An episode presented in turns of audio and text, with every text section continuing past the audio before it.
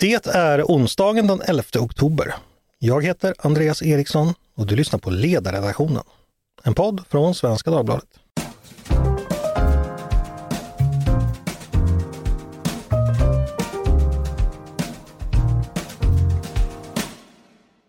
Varmt välkomna! Igår så höll den finländska regeringen en presskonferens där de kunde berätta en dramatisk nyhet. Nämligen att man i söndags hade observerat ett eh, tryckfall i den ledning för gas som går mellan Finland och Estland på havsbotten i Finska viken. Och att man också kunde konstatera att den helt enkelt hade, det hade blivit, den fungerade inte längre och att man klart misstänkte en yttre påverkan. Det här var alltså ingen olycka som hade skett utan någon eller något hade påverkat ledningen så att den inte längre fungerade. Det här låter ju eh, förstås dramatiskt, eh, men det är också nog för många tror jag ganska förvirrande. Eh, vad är det egentligen som har hänt? Vad betyder en, ett avbrott på en sån här gasledning? Och eh, vad händer nu? Jag tänkte att vi skulle prata mer om idag och då har jag med mig två gäster som jag kommer att prata med eh, den ena efter den andra. Eh, lite senare i podden kommer jag att prata med eh, tidningens eh, vad ska jag säga, säkerhetspolitiska expert eh, Patrik Oksanen eh, om hur eh, man ska förstå det här utifrån ett militärt eller hybridkrigsföringsperspektiv. Men först ska jag prata med Gustav Boetius som är något av en expert på just gas i ledningar och säkerheten kring dem. Varmt välkommen hit Gustav! Tack snälla! Du får gärna berätta, eh, hur kommer det sig, vad har du gjort tidigare hur kommer det sig att du vet mycket om detta? Jo, mm, jag är kemist i grunden, utbildad som det, men eh, efter en karriär i utlandet så arbetade jag nästan fyra år på Svenska Energimyndigheten som eh, gassamordnare eh, eh, rörande försörjningen av gas i det västsvenska gasnätet. Jag kan förtydliga att titeln gassamordnare tekniskt sett inte fanns på eh, den tiden, eh, men det var i sak den rollen som jag hade. Just det. Eh, genom det arbetet så kan man säga att jag hade fullt så här operativt ansvar för ehm, supply-sidan, som i sak för Sveriges del, då vi ska tala mer om det, är ett internationellt arbete med Danmark och med EU. Men även för demand-sidan, där eh, jag ansvarade för en nationell krisplan för gas som är en slags manual för hur man får agera i en gaskris och designade och utförde tillsyn mot stora gaskonsumerande bolag i Sverige. Just det. Vi ska prata mer om Sverige sen, men jag tänkte vi skulle börja med det här i Finland. Eh, den här ledningen som går under Finska viken, vad är det för någonting och vad spelar den för roll? Ja, ledningen är ett järnrör eh, som ligger på havets botten. Det är inte svårare än så. Den ledningen kopplar ihop den finska gasmarknaden med eh, gasmarknaden i Baltikum, alltså Estland, Lettland, Litauen. Det är vad den gör. Den har en förmåga att skicka mycket gas från Estland norrut eller från Finland söderut och är en kritisk komponent i det finsk-baltiska samarbetet kring gasförsörjningen som fanns fram tills mycket nyligen. Mm. Om vi börjar då med, med den finska sidan. Eh, vilken roll spelar den här ledningen för Finlands gasförsörjning? Ja, så Finland har då en gaskonsumtion som jag tror är 50 till 70 procent större än den svenska. Kom kan inte uttrycka mig exakt i energitermer här. Um, men den finska gasförbrukningen kan försörjas på fyra sätt. Um, dels en ledning från Ryssland, det här den ursprungliga ledningen man byggde på 70-talet. Den är numera avstängd av ryssarna. Sen så har man eh, den här nybyggda då, eh, eller hade, Baltic, eh, Baltic Connector, byggdes tror jag 2020 och den är ju nu förstörd. Det tredje sättet att försörja de finska gaskunderna är genom egenproducerad biogas. Det här finns det inte särskilt mycket av, men det som finns då, små mängder injiceras in i det finska gasnätet. Och så slutligen finns det en, eh, en LNG-hamn, helt enkelt. En, en båt som ligger förtöjd som har en förmåga att förgasa flytande naturgas, att, att få det från liksom flytande form och expandera det på ett säkert sätt till en gasform som kan injiceras i nätet. Och LNG, vad menas med det? Det heter liquefied natural gas, alltså det är metan som är nerfruset till så här jag kommer inte ihåg exakt temperaturen, men det blir då en 600 del av den ursprungliga gasvolymen och mm. kan därför ekonomiskt så enkelt transporteras med båt. Då. Och då låter det så att om den ryska ledningen redan var avstängd och att nu den här försvinner, då är det alltså den egna mycket lilla biogasproduktionen samt det här LNG-hamnen. Det är så Finland just nu kan få gas. Ja, det är så här man får försörja sina gaskunder i Finland idag fram tills dess att eh, den här Baltic Connector då eventuellt lagas. Vad använder man gas till i Finland? Och... Mm.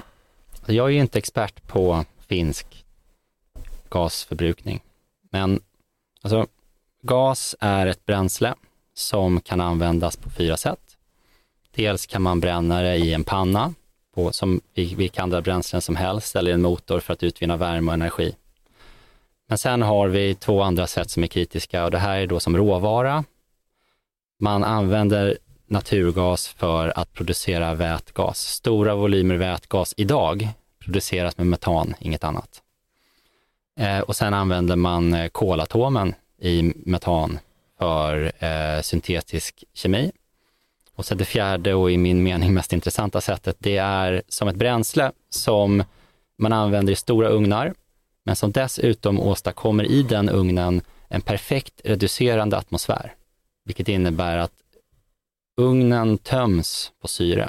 Det här är mycket avancerad processmetallurgi, processkemi, som inte kan tolerera en enda syremolekyl i sin ugn.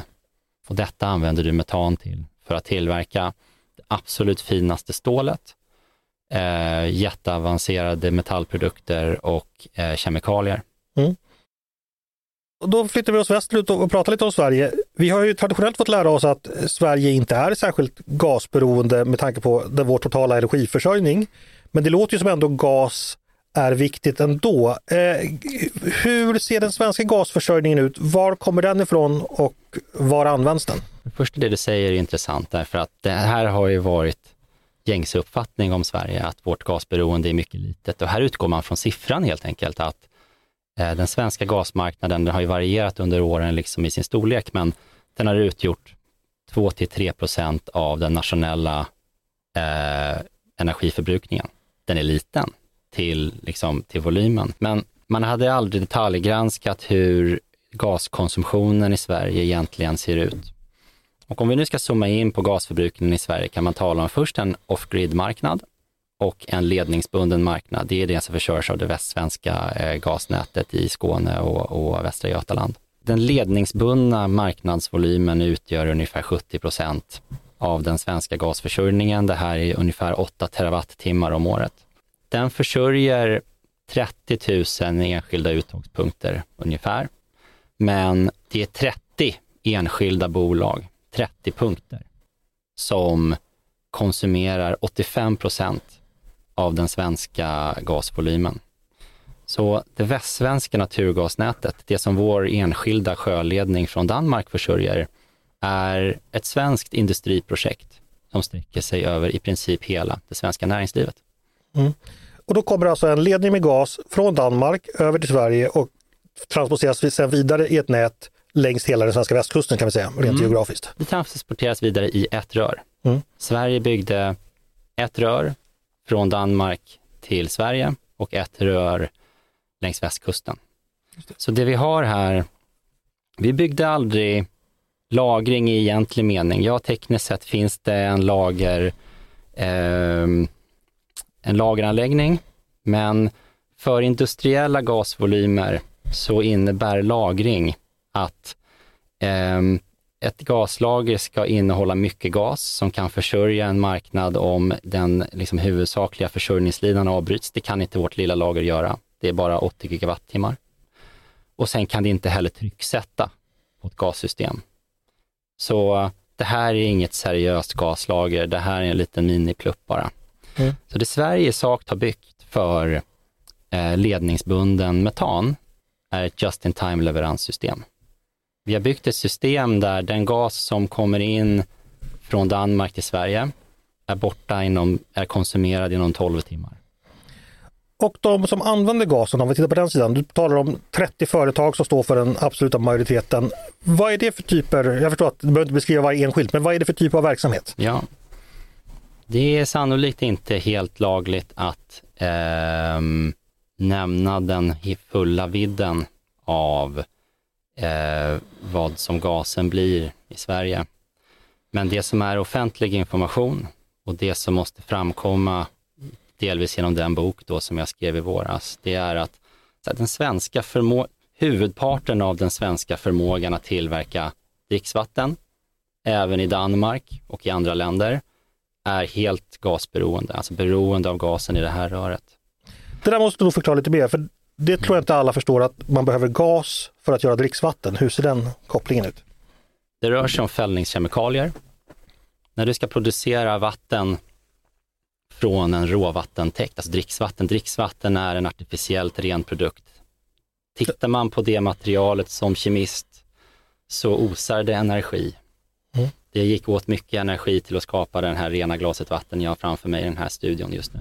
Vi kan ju säga att det här vattnet plockades ju upp i Mälaren för ett tag sedan och så genomgick det ju mm. vissa processer. Ja, precis. Va? Och, och då vissa smutskategorier då i Mälarens vatten är bara möjliga att separera från materialet med artificiella salter.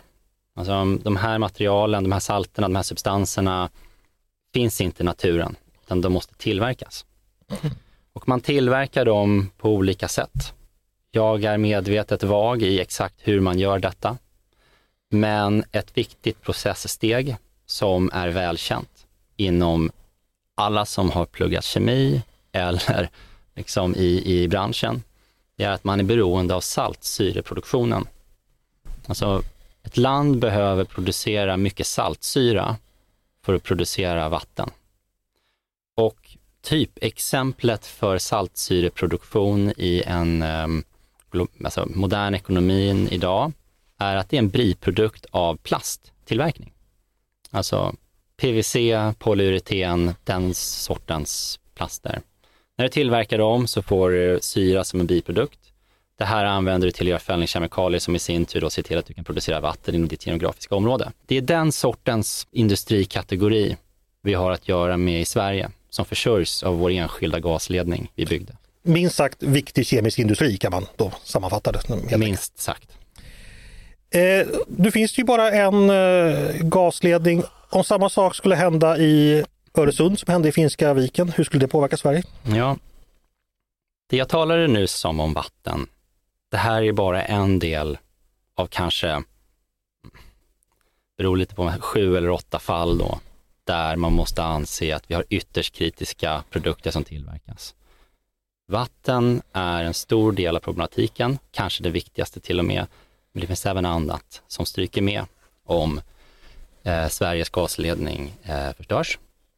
Det är stora delar av den mm, globala läkemedelsindustrin.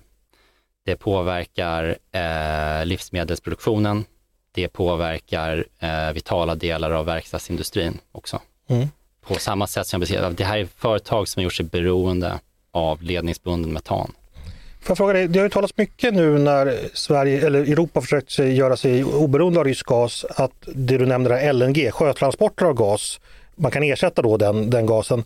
I vilken mån går det, skulle det gå att bygga upp en kapacitet och ersätta den här gasledningen med motsvarande system? Mm. Är det ens realistiskt att tänka sig?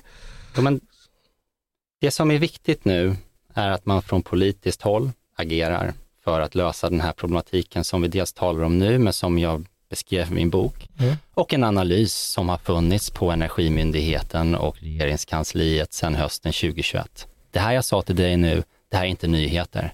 Den här informationen har funnits inom staten de senaste två åren. Okay? Mm. Hur ska man då göra för att lösa det här? Alltså, när man arbetar med gasrisker, det här är en multidimensionell problematik. Du nämner en av lösningarna här. Ja, vi ska sannolikt bygga en hamn som kan importera vissa mängder LNG eller bio-LNG eller hur, hur man nu vill nämna det. Det är en del av lösningen. Men i det här fallet är min mm, starka syn att vi måste utgå från kunderna. Vi måste gå igenom listan på de här 30 företagen och besluta, mm.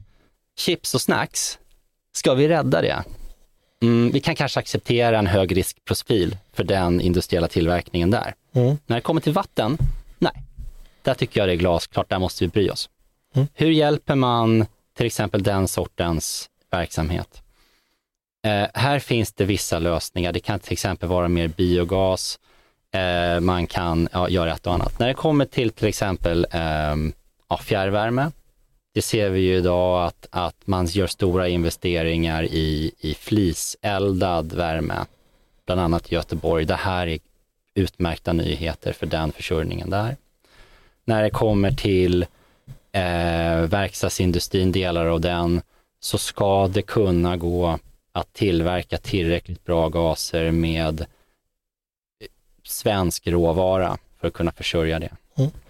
Bara en fråga här, så att det är väldigt dum, men eh, de som bor i Stockholms innerstad eller närförorter, de får ju upp gas när de tänder sin spis. Den gasen, vad är det för typ av gas och var kommer den ifrån? Jag är faktiskt inte expert på mm. vare sig Stockholms gasförsörjning eller gasförbrukning. Eh, och egentligen ska jag ställa den här frågan till, till Gasnät i Stockholm, men det här är faktiskt merparten lokalproducerad biogas och så är det, jag tror, mindre mängder flakad gas som kommer in från olika ställen och sen lite båtar från, mm. från, men jag är inte expert. Nej, jag, jag, förstår det, jag var bara lite det här, nyfiken. Det här är en, en mindre fråga i sammanhanget. Jag, jag, förstår det, men för många människor så tror jag det är själva definitionen av gasen, det är den som kommer ut ur spisen ja. så att säga. Jag förstår att den är liten, men, men men det här är ju mm. inget folkbränsle i Sverige. Alltså gemene man i Sverige, vi, vi, vi lever ju liv som, som, som liksom värmesätts av, av el eller av, av eld på, på något sätt. Mm. Eh, eller ved va. Så, eh, så är det absolut. Du, vi ska... Det här blir lite snurrigt, förlåt, jag, jag ska bara, jag vill bara säga en sak. En viktig sak att komma ihåg, det är att Stockholm är den enda större europeiska huvudstaden som inte är ihopkopplad med det europeiska gasnätet. Vi är ett märkligt undantag och det här tror jag har präglat vår gaspolitik väldigt mycket. Att vi är så frånskilda den här verkligheten vi har i Göteborg och Malmö, vi, vi stockholmare. Det här är en jätteviktig problem, del av det här problemet, tror jag. Mm. Du, vi ska återknyta till eh, där vi började. Eh, vi pratade lite om Finland. Det här med att det inte finns någon ledning mellan Finland och Baltikum, påverkar det även Baltikum? Kan man ja, anta det? det vill jag mena. Um, vad som hände i helgen nu var att vi, när den här ledningen eh, gick sönder, och vad jag förstår, så var det faktiskt finsk gas som gick söderut till Estland. När man tittar på Baltikum så eh, i Lettland finns det stora gaslager, de är nästan 21 terawattimmar, det är ganska mycket. Mm. Och så har ju då eh, Litauen, de har ju sin LNG-hamn också och den ledningen från Polen. Så det vi hade här var liksom ett samarbete det här är, inom gaskretsar vet vi att det här samarbetet har inte varit helt problemfritt. Men man sitter ju i samma båt och man, och man har en, en ett, ett, tillräckligt bra samarbete för att lösa vissa problem. Men nu när Finland är liksom avskilt från det här så, så eh, kan man inte samarbeta på samma sätt. Det är mycket positivt för, för Baltikum som också är avskurna från ryska leveranser att kunna få extra gas från Finland norröver. Så finnarna hjälpte dem nu under den här perioden och så kunde de säkert räkna med eh, försörjning då vintertid när konsum eh, konsumtionen går upp. Och det här finns det givetvis här komplicerade och fina avtal skrivna mellan de länderna. Allting utgår från avtal. Så, så, man kan, kan man generellt säga att en viss redundans har blivit gått förlorad i systemet som helhet? Ja. Stort tack för det Gustav Boetius och stort tack för att du kom och berättade om gasens betydelse för oss. Det är kanske inte alla, alla som känner till det där att gas används till mer än att bara elda med. Vi ska gå vidare i podden och då så tänkte jag prata vidare med en person som vet väldigt mycket kring det militärstrategiska kring den här frågan. Varmt välkommen hit eh, Patrik Oksanen, medarbetare på sidan och expert på, på det här ämnet vi pratar om. Tack så mycket. Du, jag tänkte bara höra med dig. Eh, igår, den här dramatiska presskonferensen som den finländska regeringen eh, höll igår. Vad fick vi veta egentligen? Det vi fick veta var ju en bekräftelse på det som eh, vi kunde misstänka redan i söndags när nyheten kom att eh, gastrycket hade, hade fallit eh, Eh, kraftigt och oväntat natten mellan, mellan eh, lördag och, och söndag där. Och, eh, och det är ju då att det är en yttre påverkan. Det som framkom då också tydligt som inte jag hade sett tidigare var ju också att det parallellt har skett en påverkan på en internetkabel mellan Estland och Finland. Och den påverkan då har varit i den, vad det verkar då, i den estniska ekonomiska zonen medan den här gasledningen då har blivit drabbad i den finska ekonomiska zonen. Så de bitarna var, var nya eh, och att det var en bekräftelse att det här har inte skett på en naturlig väg utan att det, det har skett en yttre påverkan då. Finland har ju ännu inte pekat ut någon men, men det ligger ju väldigt nära till hands att dra en slutsats om, en, om sabotage. Precis, eh, du säger yttre påverkan, jag såg också begreppet extern anledning. Eh, det är helt enkelt eh, ett fysiskt sabotage, det, det, det är så vi ska tolka det. Det är så vi ska tolka det. Och då är ju då den naturliga följdfrågan, om man ska spekulera i vem som ligger bakom det, hur, hur ska man spekulera då? Ja, här kommer ju kanske det roligaste uttalandet från Finlands förra försvarsminister Stefan Wallin som satt i, i finska public service eh, svenskspråkiga extrasändning, Ylles eh, då extrasändning, där han konstaterade att eh, vi nog kan utesluta att det här kommer från Burkina Faso. Och, och, det var ju naturligtvis en, en skämtsam finsk eufemism men eh, med en underförståddhet att det finns en aktör som har kartlagt infrastrukturen på sjöbotten, som sedan länge har en kapacitet att angripa den, som också har gjort det bevisligen utpekat. Eh, här har vi bland annat internetkabeln då till Svalbard som eh, då blev känd för en svensk allmänhet i större utsträckning i det här samarbetet mellan de nordiska eh, public service-bolagens granskning av, av, av eh, ryska aktiviteter då på, på, till sjöss. Och eh, eh, till det då ett, ett intresse att, att göra det och att det är två händelser som sker eh, ungefär samtidigt Eh, mellan Finland och Estland blir också signifikant. Precis som du säger, på havsbotten finns det gott om kablar, inte bara för gas utan också för kommunikation och el exempelvis. Vilken betydelse har den infrastrukturen i ett framtida krig eller ett framtida läge när krig förbereds? Eh, jag, jag vill gärna gå tillbaka i historien och konstatera att den här kapaciteten den byggdes upp redan under Sovjetunionen och den har vidareutvecklats under Rysslands tid. Så Ryssland fäster stor vikt och uppmärksamhet kring det här. Och det är ju som så att på havsbotten så går väldigt mycket av vår eh, infrastruktur i form av, av datakablar eh, där väldigt stora värden transaktionshanteras och enorma datamängder hanteras också.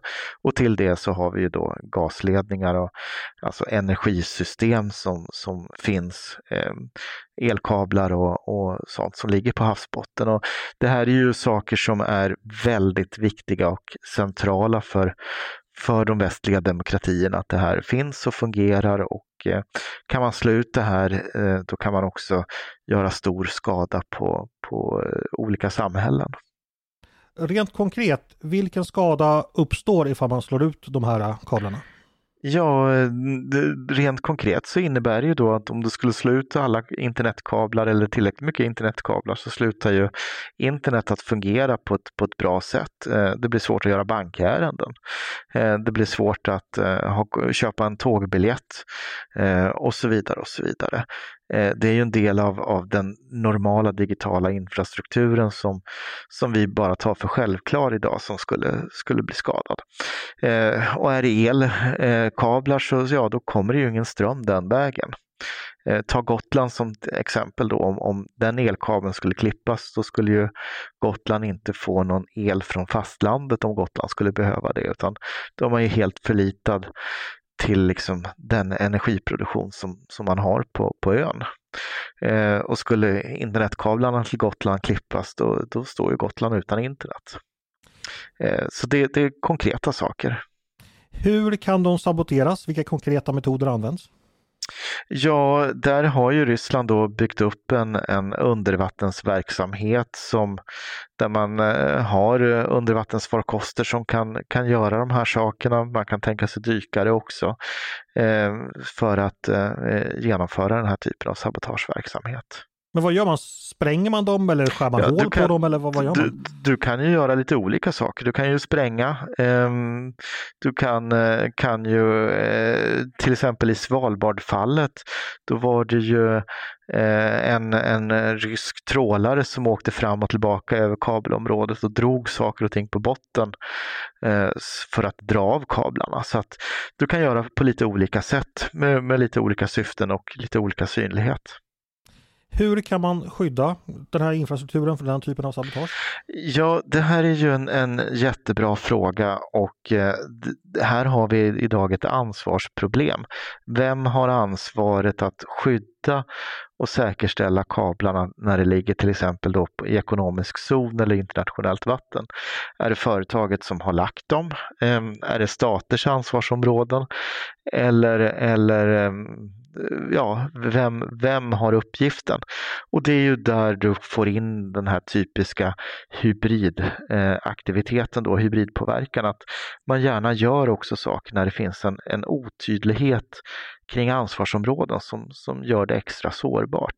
Eh, och det här är någonting som behöver lösas ut betydligt tydligare i ansvarsområdena mellan, mellan företag och stater. Eh, vem, vem har huvudansvaret för att se till att det är skyddat? Hur tycker du att det ansvaret bör fördelas på bästa sätt om vi nu ska försöka reformera det här?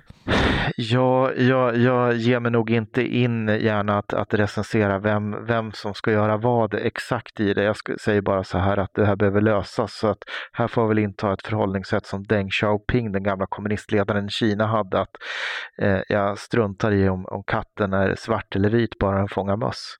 Eh, om jag ska, ska skämta lite grann om det. Eh, det är tydligt att det behöver ses över ansvarsområdena och att man behöver, behöver jobba med de frågorna. I slutändan blir det också en kostnad, en ekonomisk kostnad. Vem är det som bär kostnaden för att hålla de här sakerna säkra i en säkerhetspolitisk orostid? Eh, och det behövs en statlig eh, näringslivssamverkan där. Är det någonting på gång kring det här? Är man medveten från politiskt håll att den här frågan behöver lösas? Eh, jag skulle tycka att det var konstigt om mm, inte Carl-Oskar Bolin har reflekterat kring det här. Jag uttrycker mig kanske lite, lite, lite eh, försiktigt där, men, men jag vet att eh, då ministern för civilt försvar, Carl-Oskar Bolin, är medveten om att det behövs en betydligt djupare och effektivare samverkan med näringslivet. Sen handlar det om att hitta, hitta former och hitta ekonomisk riskdelning och få det här att fungera och bli tydligt. Eh, och där går arbetet lite för långsamt just nu. Jag kan tänka mig också att det eh, om, som jag föreställer att om det är ute på internationellt vatten när man vet att det ligger en kabel, om det rör sig en, eh, en trålare där från, från, från en aktör man kan misstänka ha, ha dåliga, eh, dåliga planer för den. Hur ska man rent konkret kunna agera? Det finns väl problem när det gäller juridiken och sjörätten och internationella avtal och, och sånt där också? Ja, det, det, det finns ju eh, fria hav och eh, havsrättskonvention så att man får ju åka där fram och tillbaka men, men då gäller det ju att kunna snabbt eh, eh kunna ställa till ansvar eh, för den händelsen och, och då krävs det en, en eh, sjöövervakning, det kan krävas en större sjönärvaro ehm, och ser man ett sådant fartyg så kanske man ska ligga och skugga det. Mm. Eh, med eh, kustbevakning eller, eller örlogsfartyg. Eh, allt det här kostar ju pengar, det tär också på resurser ehm, och svårigheterna är att veta när händer det någonting och var händer det. Och där kan vi ju konstatera att den här diskussionen den, den avspeglar sig inte riktigt i den svenska försvarsdebatten just nu. Om vi ska återknyta till där vi började, den finska situationen. Vad, vilka konkreta åtgärder vidtar nu Finland och Estland? Ja, den första konkreta åtgärden som man kunde se som Finland vidtog, det var ju att det första samtalet som president Niinistö gjorde efter att den finska regeringen konstaterade det här och innan man gick ut offentligt även om det bubblade och man, man visste att det var på gång i Finland eh, under, under gårdagen, det var ju att Niinistö ringde F, eh, vad säger jag då, Natos generalsekreterare Jens Stoltenberg eh, och diskuterade situationen. Sedan så har ju också statsminister Ulf Kristersson och eh, Finlands statsminister Orpo haft samtal, långa samtal under gårdagen om det här. Eh, vi ser att Finland och Estland eh, samverkar kring utredningen. Eh, man har också pratat med Sverige i olika kapaciteter. Och eh, Finland har ju också sagt att man har höjt sin beredskapsnivå. Men att eh, också då att energiförsörjningsläget och internetläget är gott i Finland. Det vi kan förvänta oss i nästa steg det är ju då om, om att komma fram till vem och hur som ligger bakom det här och så vi får väl se om det innebär att Finland och Estland skulle vilja konsultera övriga NATO-medlemmar enligt artikel 4 eller, eller om man väljer att hantera det här liksom mer på, på, på en lägre nivå. Det, det återstår att se. Och vad säger artikel 4 i NATO-stadgan? Ja, artikel, artikel 4 det är ju konsultationer eh, kring, kring läget då. Mm. Eh, artikel 5 är ju den här musketörparagrafen eh, att alla, en för alla, alla för en om, om någon blir angripen. Men man kan begära då konsultationer i, i artikel 4. Eh, stort tack för det och vi ska bara sammanfatta Patrik Oksanen. Eh, budskapet till svenska berörda politiker och myndigheter. Vad tycker du det bör bli av det som har hänt i Finska viken? Underskatta inte havets betydelse för vår säkerhet, vår försörjningstrygghet, både när det gäller data såväl det som seglar till uppe på ytan. Ehm, det behöver, behöver komma in mycket tydligare i i försvarsberedningens diskussioner här om, om, eh, inför försvarsbeslutet. Där är jag bekymrad över att vi inte är i den svenska debatten. Ja, stort tack för det Patrik Oksanen och som tidigare sagt eh, stort tack till eh, Gustav Boetius också för att ni gästade mig idag. Och stort tack för eh, att ni har lyssnat på Ledarredaktionen, en podd från Svenska Dagbladet. Ni är varmt välkomna att höra av er till redaktionen med tankar och synpunkter på det vi precis har diskuterat eller om ni har idéer och förslag på vad vi ska ta upp i framtiden. Då är det bara att mejla till ledarsidan snabla svd.se. Dagens producent, han heter Jesper Sandström. Själv heter jag Andreas Eriksson och jag hoppas att vi hörs igen snart.